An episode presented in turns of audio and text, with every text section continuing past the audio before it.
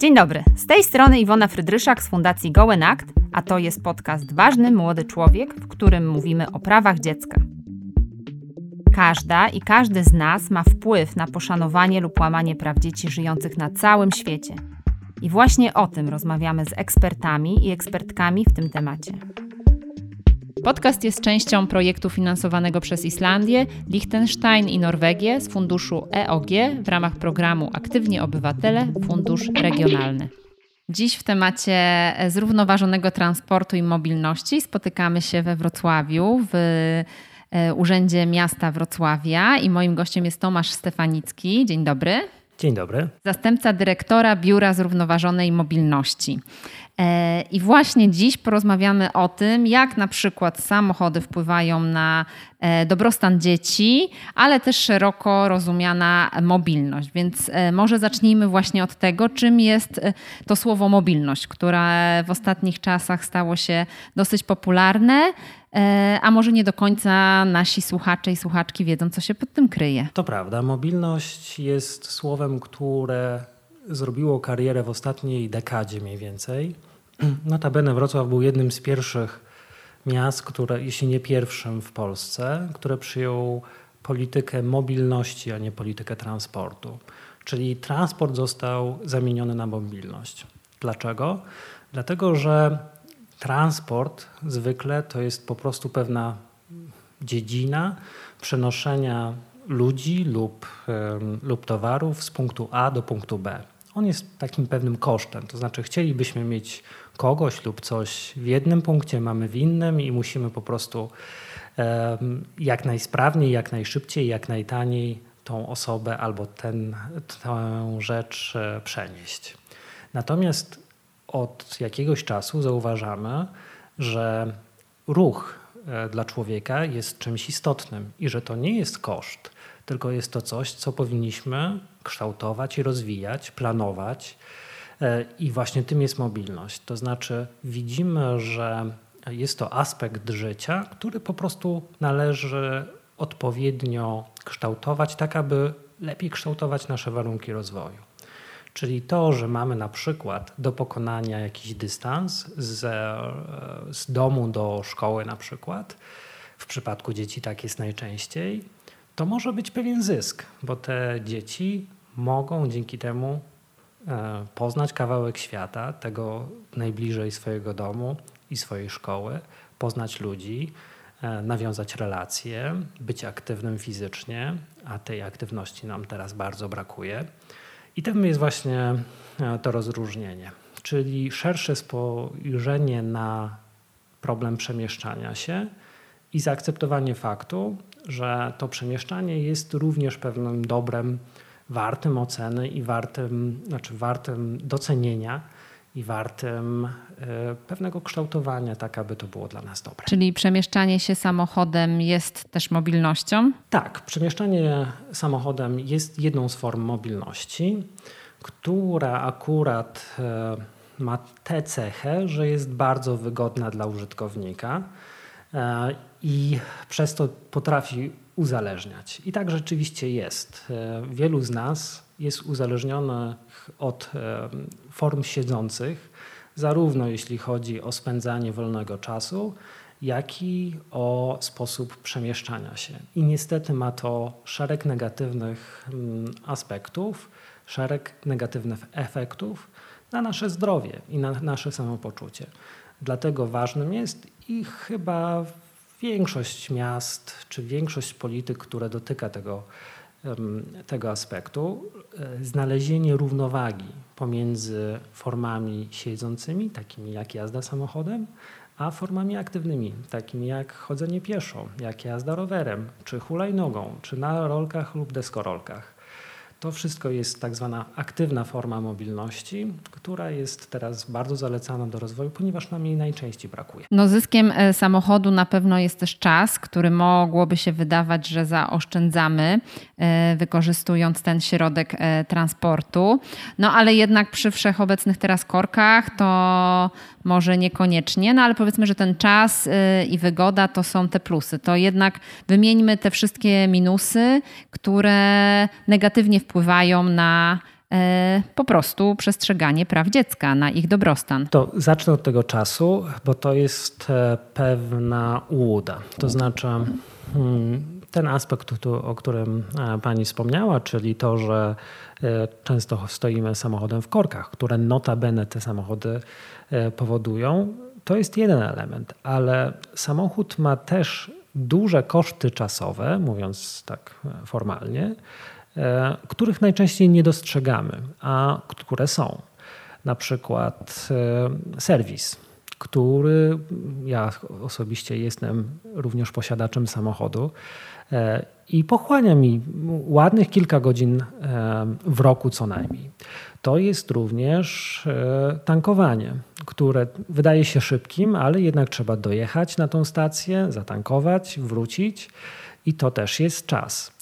E, to jest parkowanie, które jest również bardzo dużym wyzwaniem, zwłaszcza na tych osiedlach, a tych jest e, w miastach bardzo dużo, które nie były projektowane pod samochód, czyli e, były budowane w, czy to w XIX wieku, jak duża część naszego śródmieścia, czy później w XX, w pierwszej połowie e, albo na początku drugiej połowy XX wieku, gdzie mm, samochód był po prostu rzadkością. I wtedy wydawało się, że tak jak na przykład w moim bloku są jest 20 mieszkań i dwa miejsca garażowe, że to jest w zupełności wystarczające. To oczywiście ma się nijak do obecnej rzeczywistości, więc również czas E, który czasem pozwala nam za, zaoszczędzać samochód, jest tylko pozornym, pozornym zyskiem. Tak naprawdę samochód to, jest e, również, to są również duże ilości czasu, które musimy spędzać e, w różne inne formy, tylko one po prostu momencie, kiedy podejmujemy decyzję o podróży, jakoś od, odsuwamy je na bok. Tak? Mm, ale najważniejsze jest to, Mm, że samochód e, zajmuje przede wszystkim dużo przestrzeni. Samochód, jak na niego spojrzymy, to jest mniej więcej zwykle około półtora na trzy metry, mm, ale już miejsce musi być wyraźnie większe. To, e, takie miejsce postojowe samochodu to jest mniej więcej 15 metrów kwadratowych, ale żeby wjechał na to miejsce samochód, potrzebuje następnych 20 na następnych 10 metrów, czyli razem 25 metrów kwadratowych. To jest średnia um, wielkość, e, którą musimy zapewnić na parkingu, żeby stworzyć jedno miejsce postojowe. I teraz, jeśli sobie uświadomimy, że taką wielkość musimy znaleźć w mieście na każdy samochód, e, praktycznie dla każdego, który chciałby mieć taki samochód, a wszyscy którzy mają możliwość, decydują się na tę formę, bo jak wspomniałem wcześniej, jest ona najwygodniejsza, no to robi się nam z tego taka parkingowa pustynia. Bo albo przeznaczamy dużo, dużo miejsca e, pomiędzy budynkami na to, żeby parkować samochody, i wtedy te budynki między sobą się oddalają. I każda podróż do sklepu, do szkoły, na uczelnię, E, czy do miejsca swojego, swojej pracy staje się coraz dłuższa i coraz mniej atrakcyjna do tego, żeby pokonać ją e, z siłą własnych mięśni. I to miasto takie staje się samochodowe. Albo idziemy w górę lub w dół z tymi parkingami, czyli budujemy parkingi tak zwane kubaturowe, czyli wielopiętrowe, ale one są potwornie drogie. Znaczy taki parking kosztuje praktycznie tyle co mieszkanie. 25, 25 metrów w mieszkaniu na jedną osobę to jest naprawdę niezły wynik, e, czyli e, moglibyśmy po prostu te pieniądze przeznaczyć i najczęściej tak się dzieje na świecie. Te, te pieniądze przeznaczyć na budowanie dobrej jakości mieszkań zaraz miejsc, zamiast miejsc postojowych. Zatem drugi aspekt, który należy sobie e, uświadomić, to jest, to jest właśnie ten koszt przestrzenny, i zabieranie miejsca na inne funkcje, które w mieście są bardzo ważne, a one często są związane z naszym dzieciństwem. No i to jest też tak, że że samochód używamy w ciągu dnia ile godzin? No właśnie, typowe, nawet jak się pyta producentów samochodów, to oni pokazują, że ich produkty e, są w użytku średnio od 5 do 10% czasu swojej technicznej żywotności. Co oznacza, mówiąc wprost, że przeciętne auto używane jest właśnie w drodze z pracy i do pracy codziennie, a przeciętna taka podróż trwa zwykle między pół godziny a godzinę. We Wrocławiu to jest 30 kilka minut, jeśli dobrze pamiętam ostatnie badania, czyli średnio powiedzmy, że wrocławianin jeździ samochodem swoim półtorej godziny. Jeśli uświadomimy sobie, że doba ma przecież 24 godziny, to to jest mniej niż 10% i stąd takie liczby. To oznacza, że ponad 90% czasu przeciętne auto stoi i zajmuje te 25 metrów. E, zwykle potrzebuje tych 25 metrów w dwóch miejscach, czyli w miejscu zamieszkania właściciela i w miejscu szkoły, pracy, e, uczelni e, właściciela. Także w sumie potrzebuje, że dla wygodnego funkcjonowania taki, taki użytkownik samochodu dwóch miejsc postojowych w mieście przestrzeni, której bardzo nam brakuje. Bo jeśli ktokolwiek chciałby, hmm, nie wiem, na przykład otworzyć stragan e, i sprzedawać zdrową żywność i dzięki temu wzbogacać jakby życie e, społeczne i gospodarcze w danym miejscu, to jest to naprawdę nie lada wyzwanie, żeby zrobić to legalnie. W hmm, pasie drogowym jest to albo związane z kosztami, albo często wprost niemożliwe. A jeśli chciałby postawić tam po prostu swój samochód, to, to może to robić za darmo praktycznie, o ile tam nie ma strefy płatnego parkowania, praktycznie bez żadnych konsekwencji. I to jest właśnie pewien paradoks, z którym musimy się zmierzyć, że musimy zerknąć na przestrzeń miasta jako pewien potencjał hmm, rozwoju różnych funkcji. I uświadomić sobie, że pewne z nich są lepsze dla nas, dają nam więcej możliwości, dają nam lepsze, hmm, lepsze kształtowanie naszego życia niż inne. Bo jestem przekonany, że gdybyśmy mieli mniej samochodu na wrocławskich podwórzach albo mniej samochodów przy wrocławskich ulicach, łatwiej byłoby tam zmieścić place zabaw, łatwiej byłoby tam zmieścić stoiska z warzywami na przykład, albo tak jak kiedyś było z mm, watą cukrową, chociaż ona może nie jest zbyt, zbyt zdrowa, e, ale jest jakby częścią wspomnień moich z dzieciństwa. Generalnie e, różnego rodzaju aktywności, które ubarwiają. Czy sadzić drzewa? Czy sadzić drzewa, które też oczywiście są bardzo mocno związane z tym, jak teraz funkcjonujemy, czy jak będzie wyglądała nasza przyszłość e, za kilkanaście, kilkadziesiąt lat na pewno. I biuro, które pan reprezentuje, no, zajmuje się między innymi kształtowaniem też polityk, czyli rozumiem, że to jest z jednej strony wyzwanie między tym, co wy wiecie, E, co jest oczywiście poprzedzone jakimiś badaniami, też tendencjami e, w różnych krajach, czy europejskich, czy światowych, ale jednak z drugiej strony tym wygodnictwem po prostu społeczeństwa. Tak, to znaczy my jesteśmy jednak jako biuro w środku pewnego konfliktu, mm, który wiąże się zawsze ze zmianą społeczną, bo to, co mamy przed sobą, to jest, to jest zmiana społeczna. Czyli mm, wyrwanie nas, mieszkańców miasta, z pewnych przyzwyczajeń i z pewnych przekonań, w których tkwimy od dekad, od no, na pewno dziesięcioleci. E, te przekonania są związane z tym, że e, nowoczesność jest związana z motoryzacją i z tym, że każdy właśnie ma swoje auto i może nim zawsze i wszędzie wszędzie się przemieszczać, mm, a zadaniem miasta jest e, usprawnienie tego. E, do myślenia tak, w takich kategoriach, że jednak miasto, tak jak każda przestrzeń, ma swoje ograniczenia e, i musimy nią zarządzać w ten sposób, aby, mm, aby była po prostu optymalna. I że samochód jest patrząc na wszystkie popularne sposoby przemieszczania się po mieście, najmniej efektywnym, jeśli chodzi o wykorzystanie tej przestrzeni, a jednocześnie najbardziej takim egoistycznym. To znaczy, samochód, zwłaszcza w obecnej sytuacji, gdzie praktycznie przewozi mniej niż półtora osoby każde auto, czyli jest praktycznie prawie że jeden do jeden.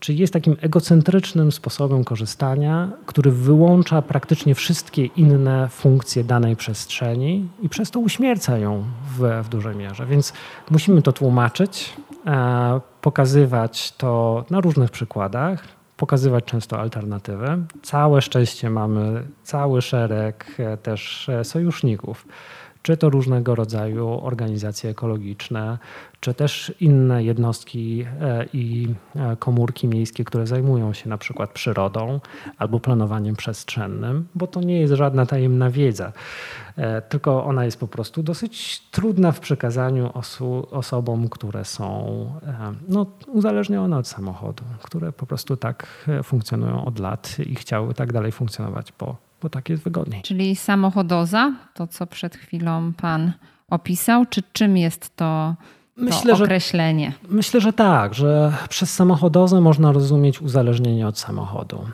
i postrzeganie rzeczywistości przez pryzmat tego konkretnego wynalazku człowieka, który w drugiej połowie XX wieku i na początku XXI po prostu rozprzestrzenił się no na razie po całym, e, po całym świecie zachodnim, bo patrząc jeszcze ciągle na, na inne części świata, bardzo ludne, ale jeszcze, e, jeszcze o nierozwiniętej tak mocno motoryzacji, to jeszcze ciągle, mm, ciągle nie jest to stosunek jeden do jeden. Ale e, praktycznie na zachodzie każdy, kto ma uprawnienia do kierowania samochodu, ma również ten samochód i w miastach jest to zupełnie niemożliwe do, do utrzymania. Dlatego, mm, dlatego większość miast Europy Zachodniej już od dziesięcioleci, przynajmniej od lat 70. ubiegłego wieku, e, próbuje jakoś regulować ten, ten problem E, walczyć z tą samochodową i pokazywać, że można żyć inaczej. I naszym szczęściem jest to, że oni są właśnie przed nami i mogą być takim, taką inspiracją tego, jak może wyglądać szczęśliwe życie w miastach. I wychodzi na to, że one może nie tyle bez samochodu jest, ale jest z takim zdecydowanie mniejszym udziałem e, tej, tej obecności samochodów niż ma to miejsce w, obecnie w Polsce. I wszystkie chyba miasta większe mają tego pełną świadomość. To jeszcze zatrzymując się przy tych e, wadach samochodu, no to powiedzmy o zanieczyszczeniu środowiska, bo to jest chyba też taka pierwsza rzecz, która nam się nasuwa, kiedy widzimy ten obrazek właśnie e, w czasie godzin szczytu i ten uwalniający się dwutlenek węgla do atmosfery, który z jednej strony powoduje ocieplenie klimatu, a z drugiej strony no też e, smog który, jak wiadomo, jest szkodliwy w szczególności dla dzieci i starszych osób. Jasne. Sam dwutlenek węgla nie tyle jest zanieczyszczeniem, bo on jest naturalnym składnikiem e, powietrza, e, co po prostu jest pewnym gazem cieplarnianym. I on rzeczywiście jest problematyczny, ale bardziej problematyczne są te składniki spalin, takie jak tlenki azotu czy związki węgla i wodoru które rzeczywiście wpływają negatywnie bezpośrednio na nasze, na nasze zdrowie.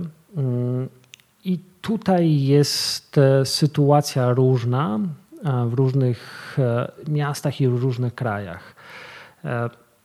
Akurat w Polsce jest tak, że duża część emisji podchodzi również z, mm, z spalania, z ocieplania budynków czyli ze spalania w, w, naszych piecach. I to jest ten pierwszy problem, i słusznie jest e, podnoszony najczęściej w dyskusji publicznej e, problem tak zwanych kopciuchów, czyli jako pierwszy jest rzeczywiście problem kopciuchów, e, ale znaczenie samochodów jest też duże.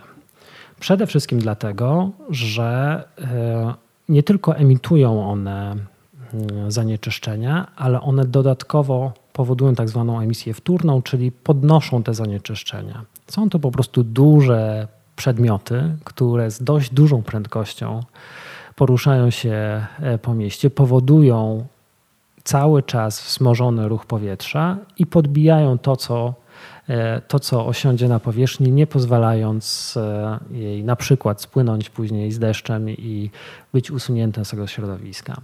Także oczywiście po pierwsze samochody same emitują co najmniej kilka, to też zależy oczywiście od e, pory roku, e, ale od kilku do kilkudziesięciu procent i zależy też od rodzaju zanieczyszczenia.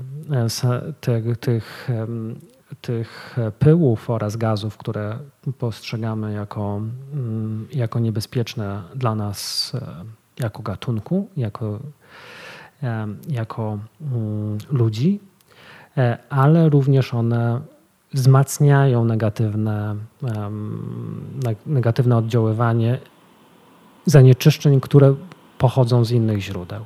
I to są dwa aspekty. I o ile ta pierwsze jest możliwe do wyeliminowania w ramach e, rozwoju, czyli mamy kolejne normy wprowadzane w Unii Europejskiej tak zwane normy euro i z każdą jesteśmy bliżej stanu, w którym rzeczywiście będziemy usuwać te zanieczyszczenia. Docelowo zapowiada się to na rok 2035. E, w ogóle nie będzie możliwości sprzedaży samochodów e, spalinowych. Także teoretycznie pod tym względem będą zeroemisyjne, ale niestety pod tym drugim względem, czyli unoszenia pyłów, które, które są, E, w atmosferze. Nawet samochody elektryczne nie będą lepsze niż te, które teraz jeżdżą po, po naszych ulicach. No i będą miały wszystkie te aspekty, o których mówiłem wcześniej, związane z, związane z pożeraniem przestrzeni potrzebnej nam na inne funkcje i potrzebnej nam na drzewa.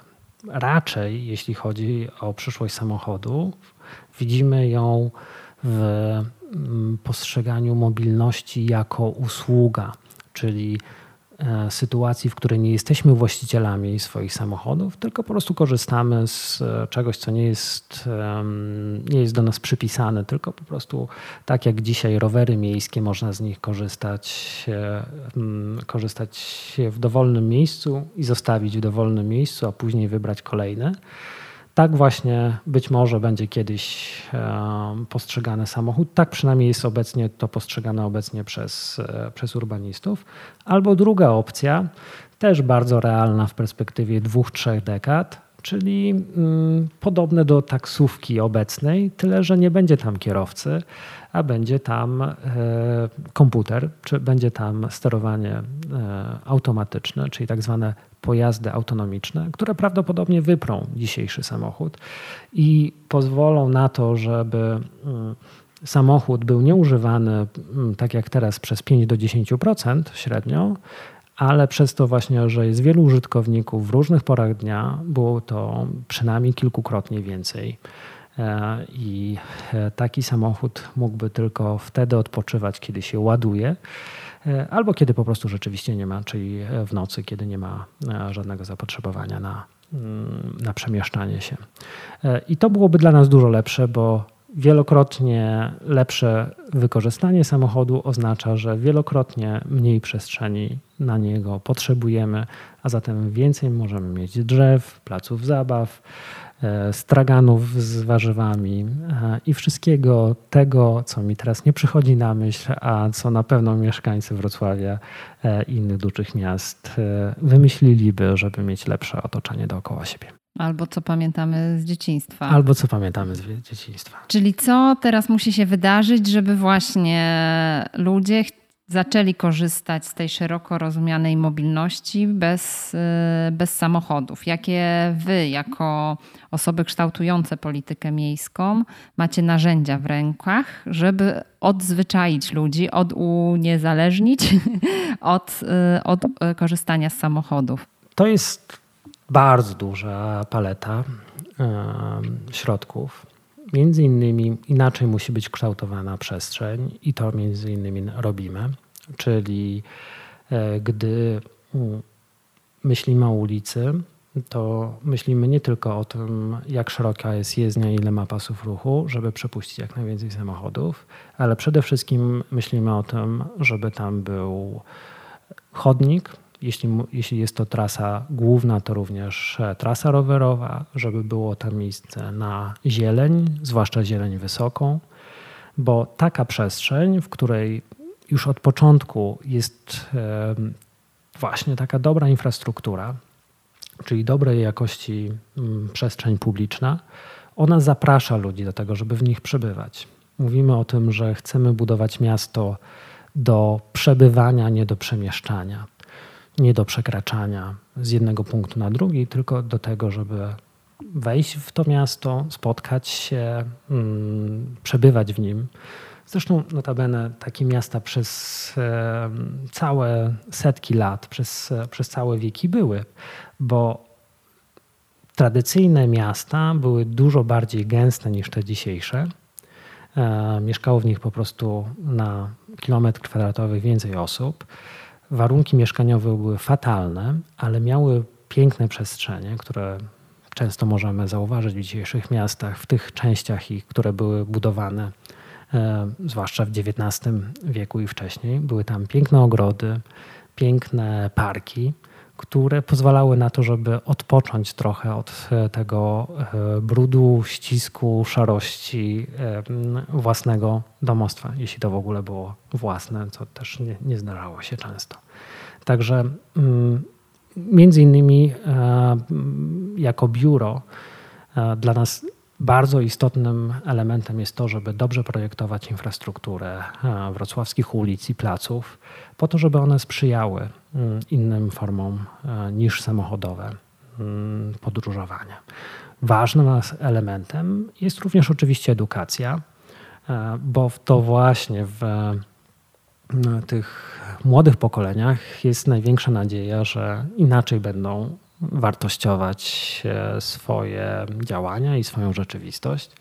I tutaj takie elementy jak akcje Rowerowy Maj, czyli przekonywanie dzieci do tego, żeby docierały do szkoły, czy to rowerem, czy hulajnogą, na zasadzie takiej zdrowej mm, rywalizacji międzyszkolnej jest tym elementem. Mamy też taką, taki program, na razie jeszcze w formie, w formie pilotażowej szkolnej ulicy, polegający na tym, że przed wybranymi szkołami zamykamy ruch samochodowy dosłownie przed samą szkołą, czyli na dystansie zwykle około 200 metrów, po to, żeby przedłużyć jakby teren szkolnego, terenu e, szkolnego boiska i umożliwić pokonywanie tego ostatniego dystansu bez otoczenia samochodów, a po prostu, mm, po prostu w, otoczeniu współ współuczniów, rówieśników, e, po to, żeby po prostu mm, nie mieć e, problemów z tym, żeby przekonywać też rodziców do mm, pokonywania, pokonywania drogi do szkoły pieszo czy na rowerze.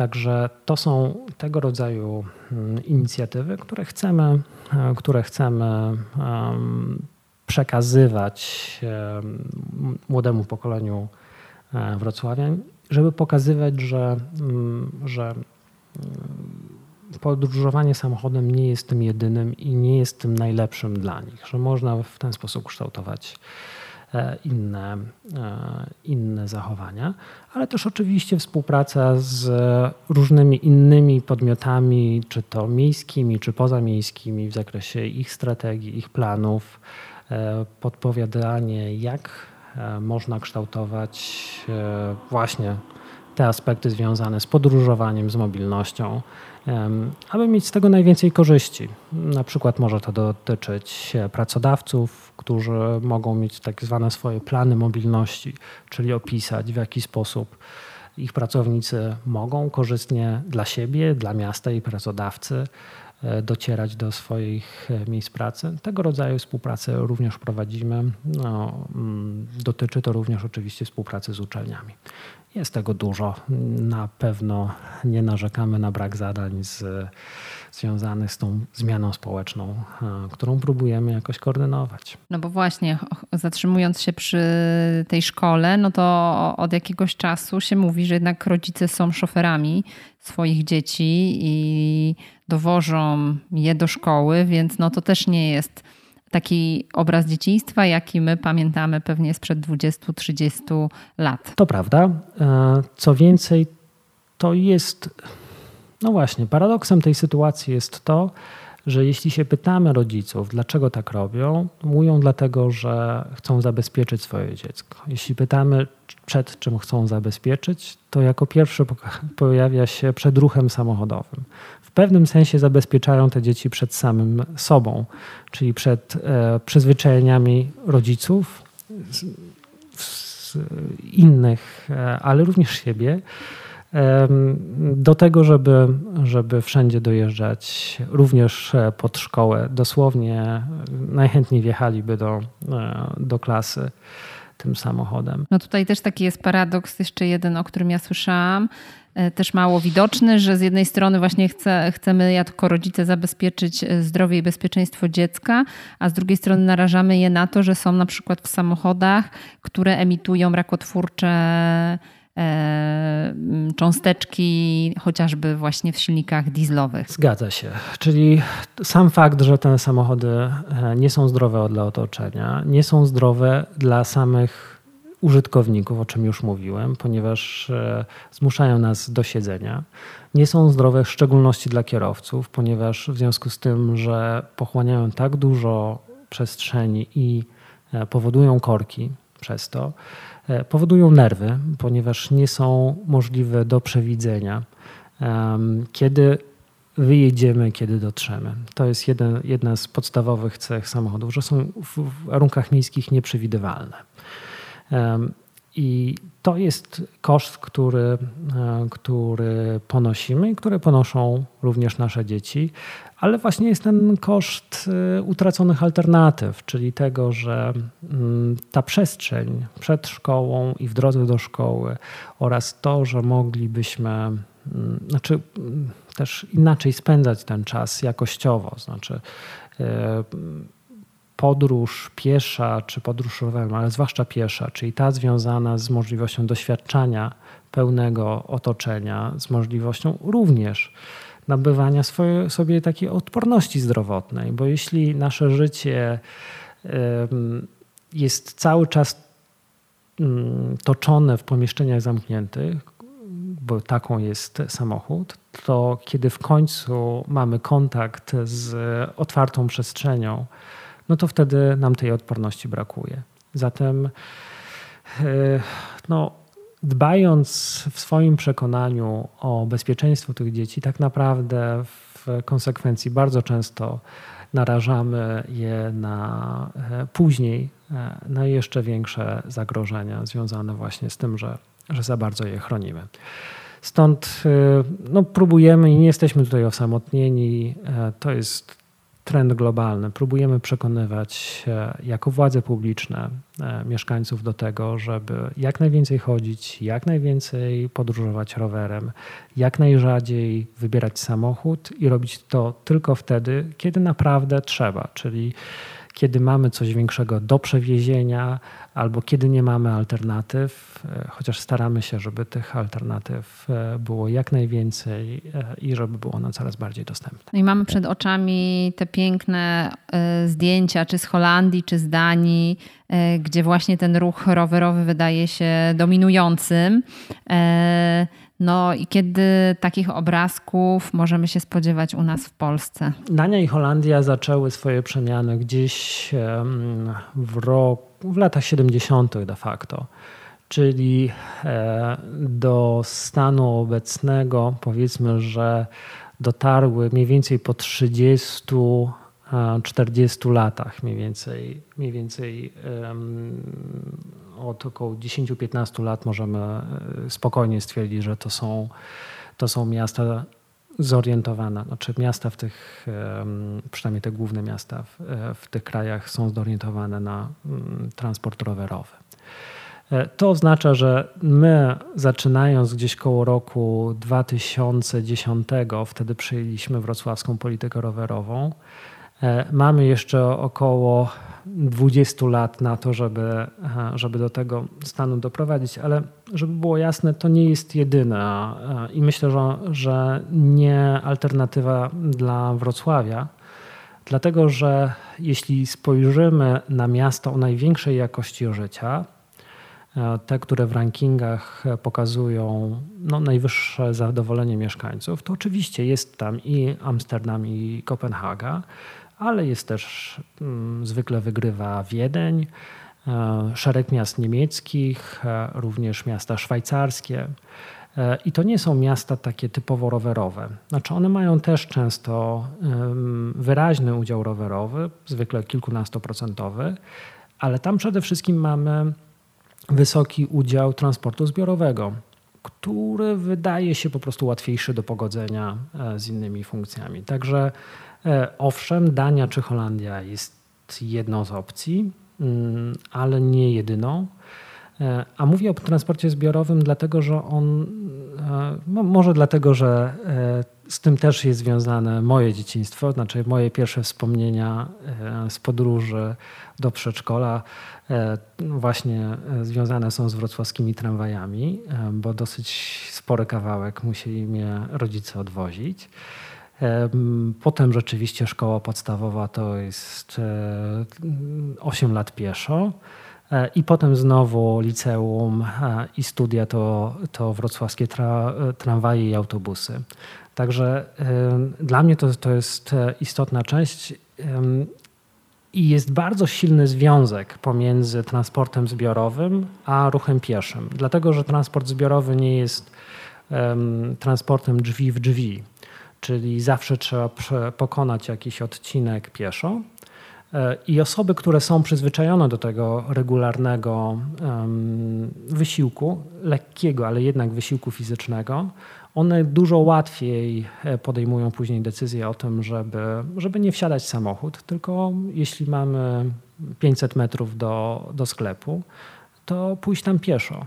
Bo przejście się, spacer uważają za pewną naturalną, e, naturalną formę ruchu. E, także to też pokazują badania, że tam, gdzie jest wyraźny udział transportu zbiorowego w miksie transportowym, tam jest również wyraźny udział ruchu pieszego. Zwłaszcza, że część użytkowników, część pasażerów, kiedy widzi, że musi poczekać kilka minut, po prostu wybiera e, przy ładnej pogodzie alternatywę w postaci, w postaci spaceru do następnego przystanku. Stąd to jest silnie z sobą powiązane. I my w Europie tutaj już mamy e, te strategie i, i wydaje się za ile? Za te 20 lat będziemy w tym Eldorado mobilności.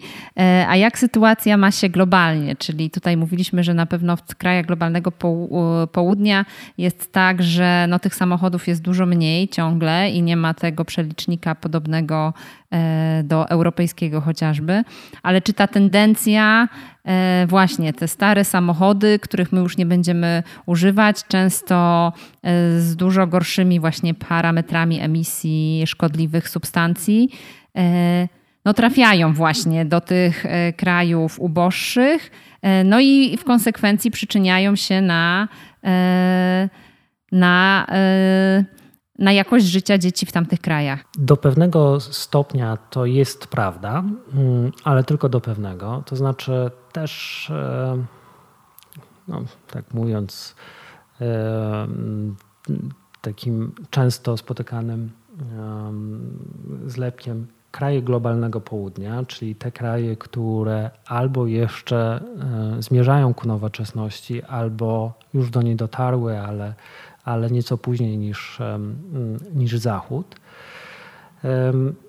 też się dosyć szybko uczą. To znaczy, jeśli spojrzymy na największą gospodarkę świata obecnie, czyli na Chiny, one bardzo mocno w swoich takich megapoliach czyli ogromnych aglomeracjach miejskich, bardzo mocno regulują obecność samochodów.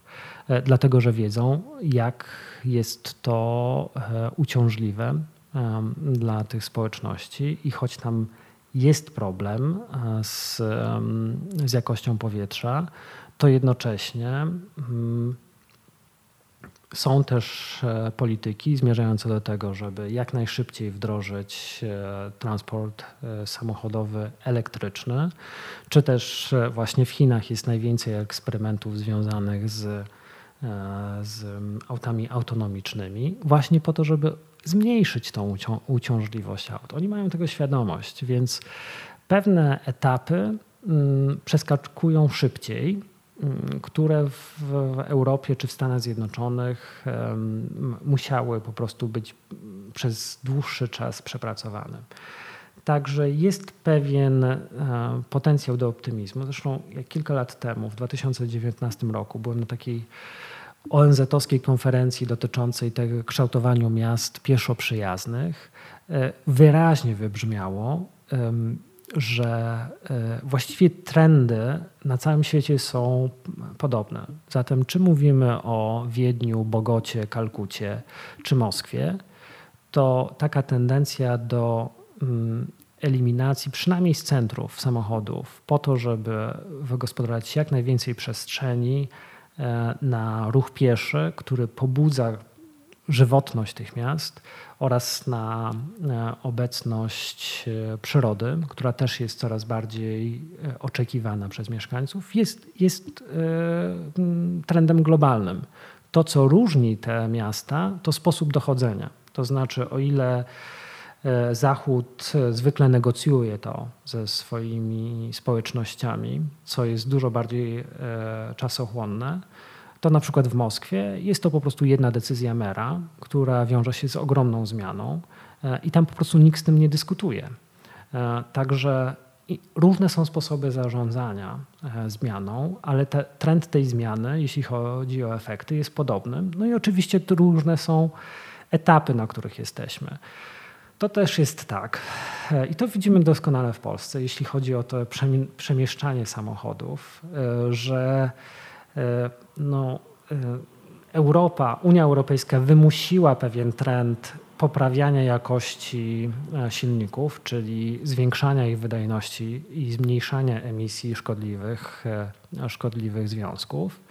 I to jest tak, że z pewnym poślizgiem, myślę, że około między 5 a 10 lat e, te samochody trafiają do tych krajów, które mają mniejsze wymogi albo które mają mniejszą świadomość społeczną. I takim krajem byliśmy, chyba jeszcze ciągle jesteśmy my.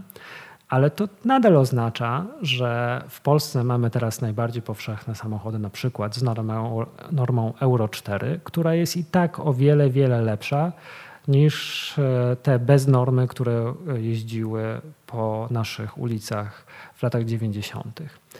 I tak samo następne kraje. Znaczy, to, że Europa wymusza pewne standardy technologiczne, e, jest później e, w jakiś sposób na zasadzie konkurencyjności powtarzane w innych częściach świata. Więc jest to pewien pewien trend globalny i e, tutaj akurat jestem optymistą, że, że powinniśmy ciągle podnosić tą poprzeczkę, nawet jeśli inne kraje przez jakiś czas będą ją miały niżej, to jednak to, że żyjemy w globalnym świecie, wymusi w pewnym momencie mm, dociągnięcie jej e, do tego samego poziomu. I na zakończenie, jeszcze trzymając się tych kwestii globalnych, z mobilnością związany jest nie tylko ten transport tu i teraz, bardzo lokalny, ale chociażby to, jakich dokonujemy wyborów dotyczących zakupów.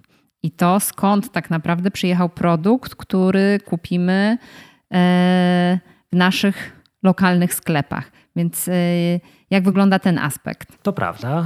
E, to jest akurat e, bardziej ten aspekt związany z transportem, czyli akurat tutaj nie mówimy o tym, że mm, z tego przemieszczenia możemy mieć pewne korzyści, raczej jest to po prostu dla nas koszt. I to koszt zarówno finansowy, jak i środowiskowy, no bo kupując te, te towary z daleka, po prostu E, przyczyniamy się do tego, że jakieś emisje są produkowane.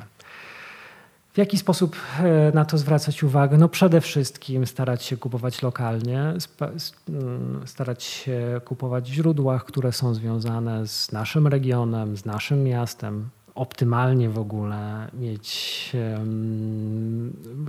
częściowo korzystać również z własnych produktów w własnym ogródku, jeśli takowy mamy czy, czy z działki, bo to są te formy, od których niestety odeszliśmy w ostatnich dekadach, a do których przynajmniej częściowo można byłoby wrócić. W aspekcie miejskim staramy się mm, promować takie formy przemieszczania, które są stosunkowo niewielkie i to też sprzyja temu lokalizmowi, czyli na przykład transport rowerowy, który jakby porusza się po centrum miasta bez ograniczeń, czy to przestrzennych, czy czasowych, sprzyja temu, żeby to były małe i produkowane lokalnie produkty. Najczęściej to są, to są po prostu dania z, danych, z lokalnych restauracji, e, które są po prostu Myślę, że zwłaszcza w, w ostatnich latach, w, w, okresie popandemicznym, coraz bardziej popularne i to jest trend, który nas cieszy. Po prostu korzystamy z tego, co jest dookoła, e, a przewożone jest to w sposób ekologiczny e, i róbmy tak, tak dalej. Bądźmy świadomi tego, że w towarze, który kupujemy, jest koszt nie tylko finansowy, ale również ten, ten środowiskowy. On jest związany z miejscem, gdzie to powstało. I życzymy sobie, by było coraz więcej miejsc E, na stragany w miejscach, w których do tej pory były parkingi e, z produktami od lokalnych rolników. Moim e, gościem dzisiaj był Tomasz Stefanicki, zastępca dyrektorki Biura Zrównoważonej Mobilności w Urzędzie Miejskim Wrocławia. Dziękuję bardzo za rozmowę. Dziękuję bardzo. Wysłuchali Państwo podcastu realizowanego przez Fundację Goen Act. Prowadzimy w niej działania z zakresu praw dziecka, edukacji dla pokoju i integracji społecznej. Serdecznie zachęcamy do wsparcia nas na Patronite oraz do zakupu w naszym internetowym sklepie charytatywnym na dobrą sprawę. Za realizację techniczną odpowiada Jan Chrzan, a koordynatorką projektu jest Aleksandra Stachura. Dziękujemy, że jesteście z nami.